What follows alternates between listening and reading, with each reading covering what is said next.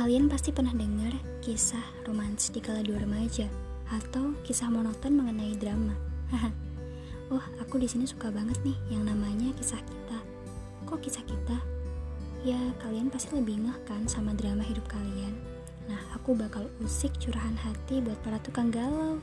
Kita bakal bahas tukang gorengan, tukang jombro, cilok, eh Salah, maksudnya kita bakal jadi renungan enak nih waktu kalian bisa quality time sama diri kalian sendiri.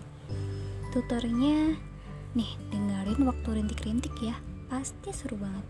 See you, bye.